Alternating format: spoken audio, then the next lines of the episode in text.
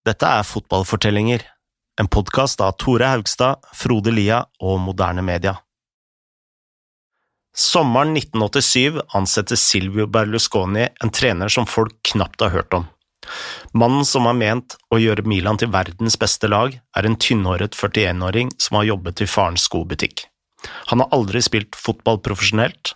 Hans største prestasjon som trener er en syvendeplass med Parma i Serie B. Han heter Arrigo Sacchi, og han har planer om å snu italiensk fotball på hodet.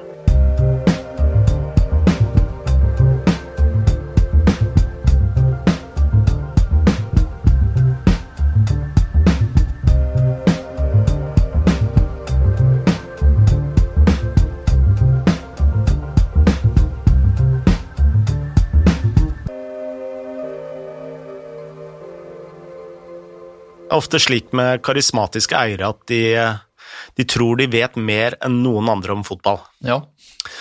Ofte har du en rik forretningsmann som tror han kan bygge et vinnerlag like lett som det å bygge en suksessrik bedrift, og det kan føre til noen radikale avgjørelser. Absolutt, og eh, et av de tidligste eksemplene på dette var vel da Silvio Berlusconi ansatte sin første trener i Milan i 1987. Berlusconi hadde eid klubben i ca. 18 måneder, og i den første fulle sesongen hadde han beholdt svenske Nils Lidholm som trener uten at det gikk særlig bra. Men selv om Berlusconi først og fremst var en forretningsmann, så hadde han full tro på sin egen sportslige kompetanse. Ja, Berlusconi sa at han hadde vært trener for flere juniorlag før, og disse hadde liksom spilt fantastisk, fantastisk fotball og vunnet masse titler osv. Så, videre. så han anså seg selv som en ekspert på fotball. Uh, han så ofte bak flere spillerkjøp. Uh, hvis han liksom så en spiller han ville ha, så kjøpte han han. Uh, og siden det var han som finansierte klubben, og som liksom hadde kommet ned med disse helikoptrene og sagt at han skulle gjøre Milan til verdens beste lag, så skulle det jo bare mangle at han også valgte treneren. Berlusconi ansatte Arrigo Sacchi sommeren 1987. Og for å finne ut av hvordan han oppdaget Sacchi, må vi spole litt tilbake. For dette var en ansettelse som Milan hadde jobbet med lenge. Ja, sesongen før under Lidholm hadde Milan møtt Parma i gruppespillet i den italienske cupen. Det var da at de hadde ja, grupper på seks-syv lag, hvor vinnerne gikk videre til åttendelsfinale. Uh, og Parma de hadde nettopp rykka opp til Serie B, altså andredivisjon i Italia. Så det skulle jo være et lett bytte for et storlag som Milan, men uh, Parma de slo Milan 1-0 på San Siro. Og dette var et veldig sjokkerende resultat. Men det som overraska kanskje enda mer, var måten Parma spilte på.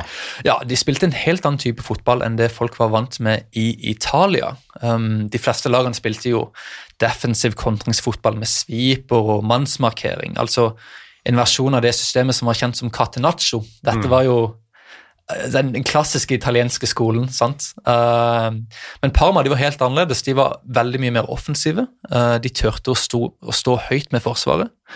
De brukte ren sonemarkering, og de pressa som gale. Med andre ord spilte de akkurat den type offensive, spektakulære fotballen som Berlusconi ville ha i sitt Milan. Og både Parma og Milan gikk videre til åttendedelsfinalen i cupen. Tilfeldigvis ble de trukket mot hverandre, og dette ga Berlusconi en ny sjanse til å se Parma. Ja, kanskje hadde det bare vært flaks første ganger, kanskje de hadde hatt en god dag og Milan ikke hadde vært helt med på notene, men Parma de vant igjen 1-0 på San Siro og spilte 0-0 hjemme, og slo altså ut svære Milan av cupen. Og Berlusconi han var så imponert at han sendte en av sine direktører for å snakke med Sacchi. Og I mars ble Sacchi innkalt til et møte med Berlusconi hvor de to snakket om fotball fra åtte på kvelden til to om natta. Og Det endte med at Sacchi sa ja til å ta over laget, og da sesongen var over, måtte dermed Fabio Capello tre til side. Og dette var en ganske uventa avgjørelse.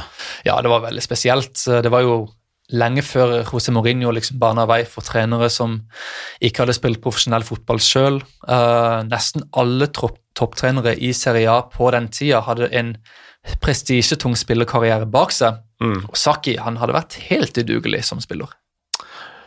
Vi nevnte at eh, en av Sakis første jobber var i farens eh, skobutikk. Men hvordan klarte han å bli trener? Nei, Han var bare veldig, veldig besatt av fotball og jobba veldig hardt. og hadde veldig radikale ideer, kan man si. Mm. Uh, han ble født i Fosignano, en liten by nordøst i Italia, hvor han begynte å trene et amatørlag. Så jobba han seg oppover i det, det italienske ligasystemet helt til han tok over Parma i Serie C i 1985. Og Det klarte han altså å gjøre ved å følge taktiske prinsipper som var helt stikk i strid med det resten av trenerne i Italia gjorde. Det må ha vært en grunn til at Sakki jobbet så hardt. La oss høre fra Sheridan Bird om hva Sakki ønsket å oppnå. There, there used to be a theory about Catenaccio that the Italians took this system that supposedly the Swiss invented, but the Italians took and perfected Catenaccio, basically two and a half flair players and then the rest behind the ball. They claim that this was taken because Italians felt inferior physically. They felt smaller than what they what they termed the giants of the north, Germany, England, the Scandinavians as well. Saki came along and said that is absolute nonsense. Saki used to travel around with his father who worked in the shoe trade when, when Saki was a lot younger and they used to go around Europe and he used to see that there were small people in parts of uh, other parts of Europe. Saki, one of the things he really wanted to do was just get rid of this myth, dispel this nonsense story that Italians had to play defensively because they were small and generations had grown up after the Second World War malnourished, particularly particularly in the south. Saki said that one, that's nonsense. Two, it's cowardice. And his mission was to create these teams that could play running, exciting football. Growing up, he loved the Ajax of the 1970s. He loved the way that, you know, his words were that he'd watch them on TV and not understand how they could be everywhere. The uh, the Holland team of 1974, total football. He loved that. You know, the fact that the right back would end up playing up front, you know, and and and Cruyff would be everywhere and that's that's one of the reasons I think why Berlusconi, Saki got on football wise. But that's one of the reasons I think why Saki was so hungry, manically determined to create this kind of total football, athletic, powerful total football in Italy. Det er verdt å utdype hva dette Catenaccio-systemet gikk ut på. Det var i grove Tech et veldig defensivt system med en sweeper bak to stoppere som markerte mann mot mann. Offensivt eh, var det hovedsakelig tre måter de angrep på. Enten å kontre, eller å slå en lang ball, eller å bare gi ballen til en eh, genierklært playmaker eller en trequartista, som det heter på italiensk. Ja, og siden variasjoner av dette systemet fortsatt var populære um, på den tida, så var jo Serie A en ganske målfattig liga. Toppskårerne sesongen før hadde vært Juventus med 42 mål på 30 ligakamper. Empoli var kanskje det mest ekstreme eksempelet. De skårte 13, altså 13 mål på 30 mm. kamper og klarte likevel å unngå nedrykk. Dette var også en periode hvor seire ga to poeng, så lagene hadde ikke like god grunn til å sende folk fremover som de har i dag. Men så kom altså Sakki med en helt annen spillestil. Ja, Sakki syntes det var helt absurd at så mange italienske lag brukte så mye penger på offensive stjernespillere, for så å ikke gidde å angripe engang på banen og liksom bare gi fra seg ballen. Mm. Det gir jo ingen mening. Uh, så Saki han snudde opp ned på alt. Han kasta bort sviperen, uh, spilte med en flat forsvarsfører og brukte ren sonemarkering over hele banen. Og for de som aldri har sett uh, Sakis lag spille, så kan man vel trekke en parallell med Diego Simones Atletico Madrid. Ja. Altså en granittblokk av et lag som kan variere presshøyden og ha veldig små avstander mellom lagdelene og mellom spillerne. Ja, eh, Saki hadde veldig klare regler på dette også. Han ville ha maks 25 meter mellom forsvaret og angrepet, og ca. 5 meter mellom hver spiller.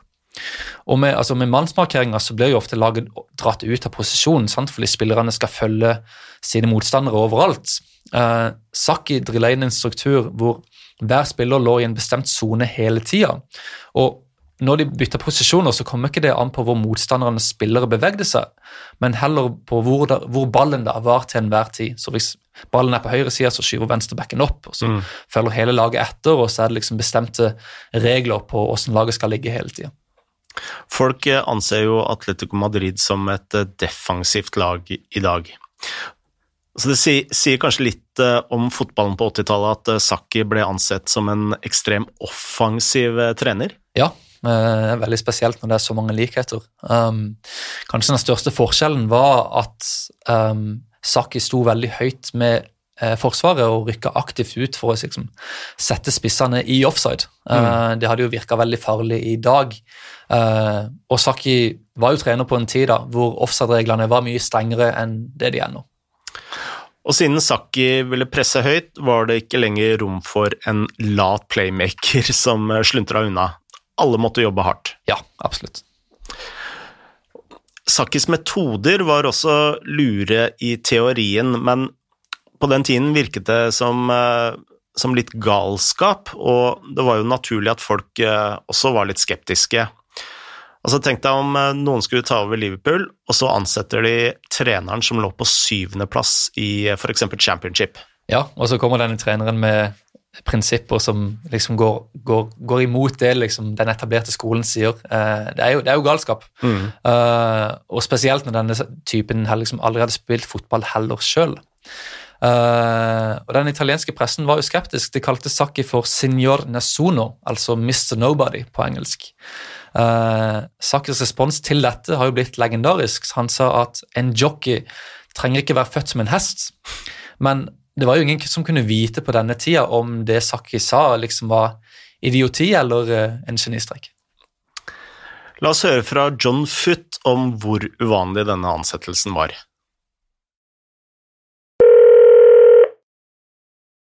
I mean, to pluck a coach who never won anything, no one had ever heard of, to manage Milan, one of the biggest clubs in Italy, you know, with a massive fan base, only really behind Juventus and probably similar to Inter. Um, take this unknown guy and say, do what you want. You can get rid of the sweeper, you can play pressing football, you can try and win. I mean, it was an amazing thing. People talk about Klopp and they talk about Guardiola, but um, this is being done in Italy in 89, 90, 91. Berlusconi hadde nå fått på plass eh, treneren sin, men det var flere skikkelser på San Siro som utgjorde Berlusconis eh, team. Ja, en uh, nøkkelfigur her var Adriano Galliani. Han var en slags daglig leder som fungerte som et bindeledd mellom Berlusconi og resten av klubben. En, en slags en høyre hånd, om du ville, til Berlusconi. Um, han tok seg av overganger, han tok seg av kontraktsforhandlinger, uh, og han gikk også inn i rollen som diplomat om det skulle oppstå uenigheter blant spillerne, Sacchi eller Berlusconi. Galliani er for meg en av de absolutt slueste direktørene fotballen har uh, hatt siden 80-tallet. Han må jo ha hatt uh, et av de største kontaktnettverkene i uh, italiensk fotball omtrent noensinne. Ja. Og når han først ville ha en spiller, så pleide han å lykkes. Definitivt. Um, og allerede før Sakki ble klar, så hadde jo Galliani og Berlusconi jobba for å få på plass nye spillere. Sommeren 1986, altså et år før uh, Sacchi ble ansatt, hadde Milan deltatt i Gampo-trofeet, en vennskapsturnering som ble arrangert hvert år av Barcelona. Og den turneringen er for øvrig oppkalt etter Barcelonas eh, grunnlegger Johan Gamper, som vi snakka om i sesong én. Eh, ja. Uh, I den turneringa det året var et av de andre lagene PSV Eindhoven. De hadde en råsterk og veldig talentfull spiller som het Ruud Gullit. Uh, og han spilte så bra der at Milan rett og slett bare spurte han om han ville komme til San Siro. Senere i den sesongen tok Berlusconi sitt privatfly til Nederland, hvor han ble enig med PSV om en overgang. Ifølge Gullit skal Milan ha spurt ham om uh, han visste om noen andre spillere de kunne kjøpe. Da hadde Gullit nevnt en av sine lagkamerater på det nederlandske landslaget, nemlig Marco van Basten. Og noen Noen uker senere hadde Milan eh, også kjøpt ham. Ja. Uh, en annen historie her, uh, som høres ut som man kan komme ut fra Berlusconis pressekontor, sier at Berlusconi ble sendt en video av van Basten, hvor bare liksom van Basten smalt inn det ene drømmemålet etter det andre. Og etter mål nummer 14 skal Berlusconi ha sett nok. han skrudde av TV-en og ga direkte ordre til en av sine direktører om å få denne fyren signert. Hva enn som er sant, hadde Berlusconi slått kloa i en ung og ekstremt begavet spiss som ble omtalt som den nye Johan Cruyff. Både van Basten og Gullit eh, var et kupp for Milan. La oss høre fra Sheridan Bird om hvordan Milan overtalte dem til å skrive under. Galliani used to play on the fact that Milan or Milan is a great city to live in, and he, he, he was never shy to sell the best points of Milan. He gave a he gave a quote about probably about 10 years ago now but this it, it stands up to examination for his entire career at Milan. Galliani said that we we have no problem play, getting players here because we show their wives the best parts of Milan. Now that might sound a bit sexist and and it probably is something that a sort of man in his 60s or 70s would say but Galliani was always very happy to involve the families, involve the wives and children, and make sure that they saw what a great city Milan can be to live in. And he's right, by the way. If you earn what football players do, you can have almost everything in Milan. Både Gullit og van Basten var spillere Milan hadde kjøpt før Sakki ble ansatt. Men sommeren 1987 hadde Sakki selv funnet en spiller han ville ha, til enhver pris. Ja, og det var vår kjære Carlo Ancelotti, som da Carlo. spilte for Roma. Det er vanskelig å ikke være glad i Carlo. Uh, men det var et problem med denne signeringa. Uh, Ancelotti nærma seg 30-årene og hadde to veldig dårlige knær. Han var veldig skadeutsatt. Og Både Berlusconi og Galliani var veldig bekymra over dette. Liksom, Hvordan skal vi kjøpe den spilleren som liksom kan kollapse når som helst. Men uh, Saki han sto på sitt. Han var veldig glad i liksom, hvordan Ancelotti styrte spillet sentralt på midten, og hvor smart han var, og mm. hvordan han liksom dirigerte tempoet i, uh, i, kampen. Han sa at om han bare fikk Ancelotti inn på laget, så kom Milan til å vinne ligaen. På overgangsvinduets uh, siste dag sa Berlusconi ja til Saki, men de hadde veldig dårlig tid. Så Galliani han måtte haste ned til Roma, hvor han møtte Ancelotti. Ja, Angelotti fikk beskjed om denne overgangen da han lå på ei strand i Sardinia, sikkert da på ferie. Um, Milan sendte ham en adresse som førte han til et luksushotell sentralt i Roma.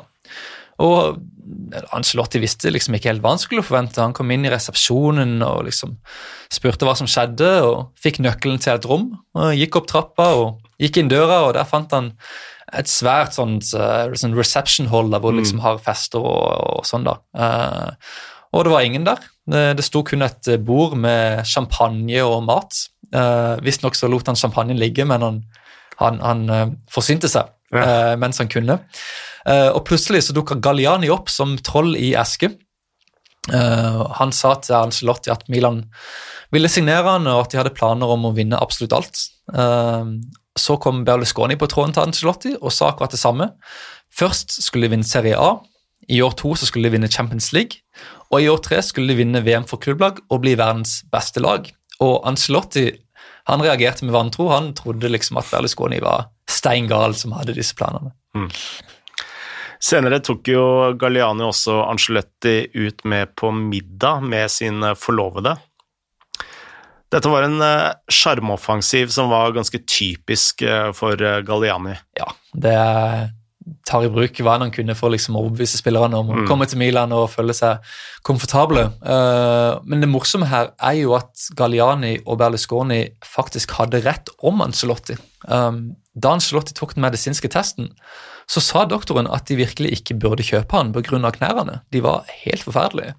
Men Saki han fikk det som han ville, uh, og Ancelotti han kom til Milan. Må si litt om grundigheten til eh, Saki også.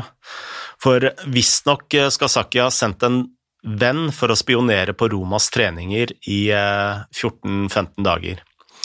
kun for å være sikker på at Angelotti hadde personligheten og tilstedeværelsen som eh, skulle til for å spille for, for, Milan. Ja, og man kan jo kanskje skjønne hvorfor, for det var liksom ikke hvem som helst som skulle kunne spille for Saki. Uh, Ancelotti skrev i en av sine bøker at om nivået på intensiteten i andre klubber hadde vært 20, så var Sakkis treninger oppe på nivå 100. Altså Det var et helt annet uh, trøkk.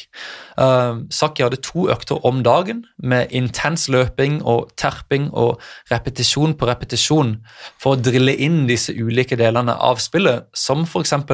det høye presset og soneforsvaret og offside-feller. Det, liksom, det var jo enorme krav til samhandlinger og posisjoneringer mellom spillerne.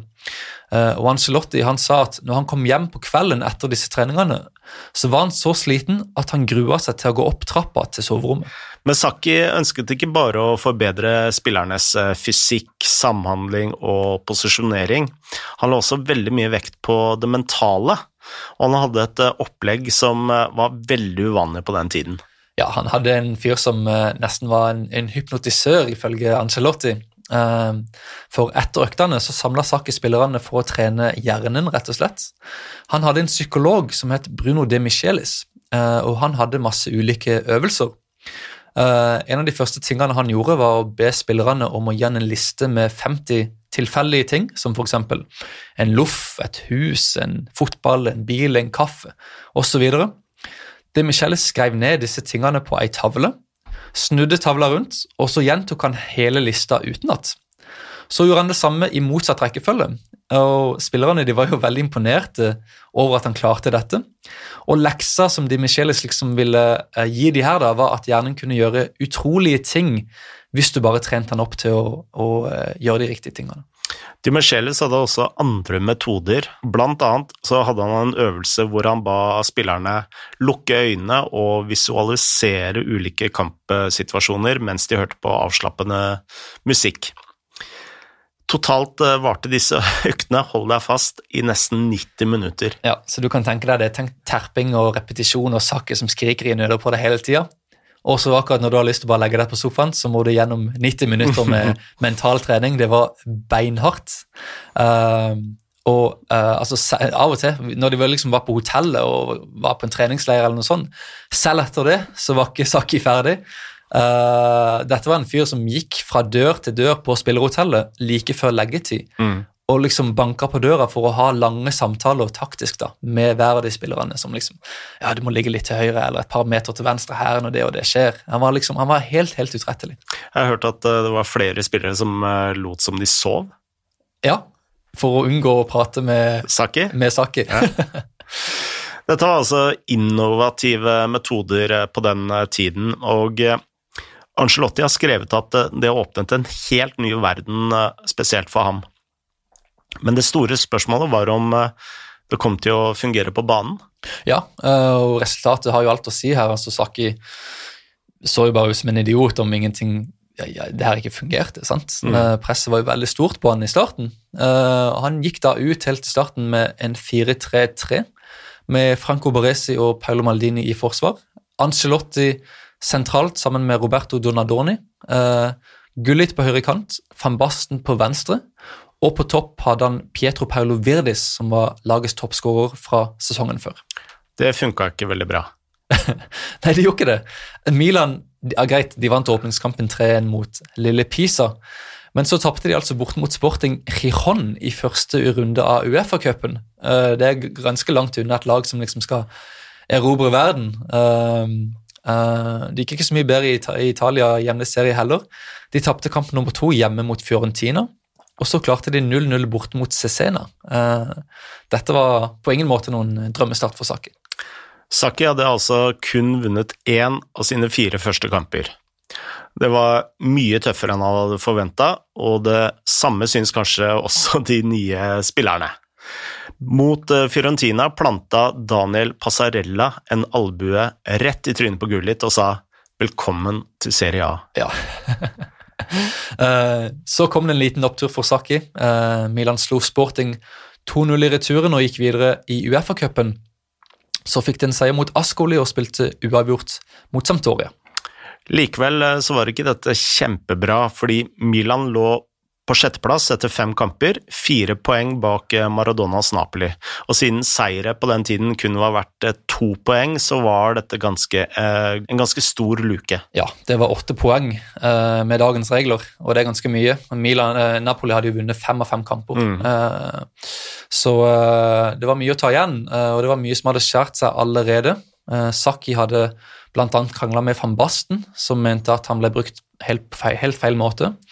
Van Basten hadde så blitt skada, og Ancelotti, som liksom skulle styre i midtbanen, sleit veldig med tempoet. Uh, han var ikke så veldig kjapp. Mm. Og Berlusconi, som liksom hadde advart Saki mot å, mot å kjøpe Ancelotti, da, sammenligna han med en dirigent som var tonedøv. Og det er jo ikke det beste kompliment, komplimentet du kan få fra eieren din.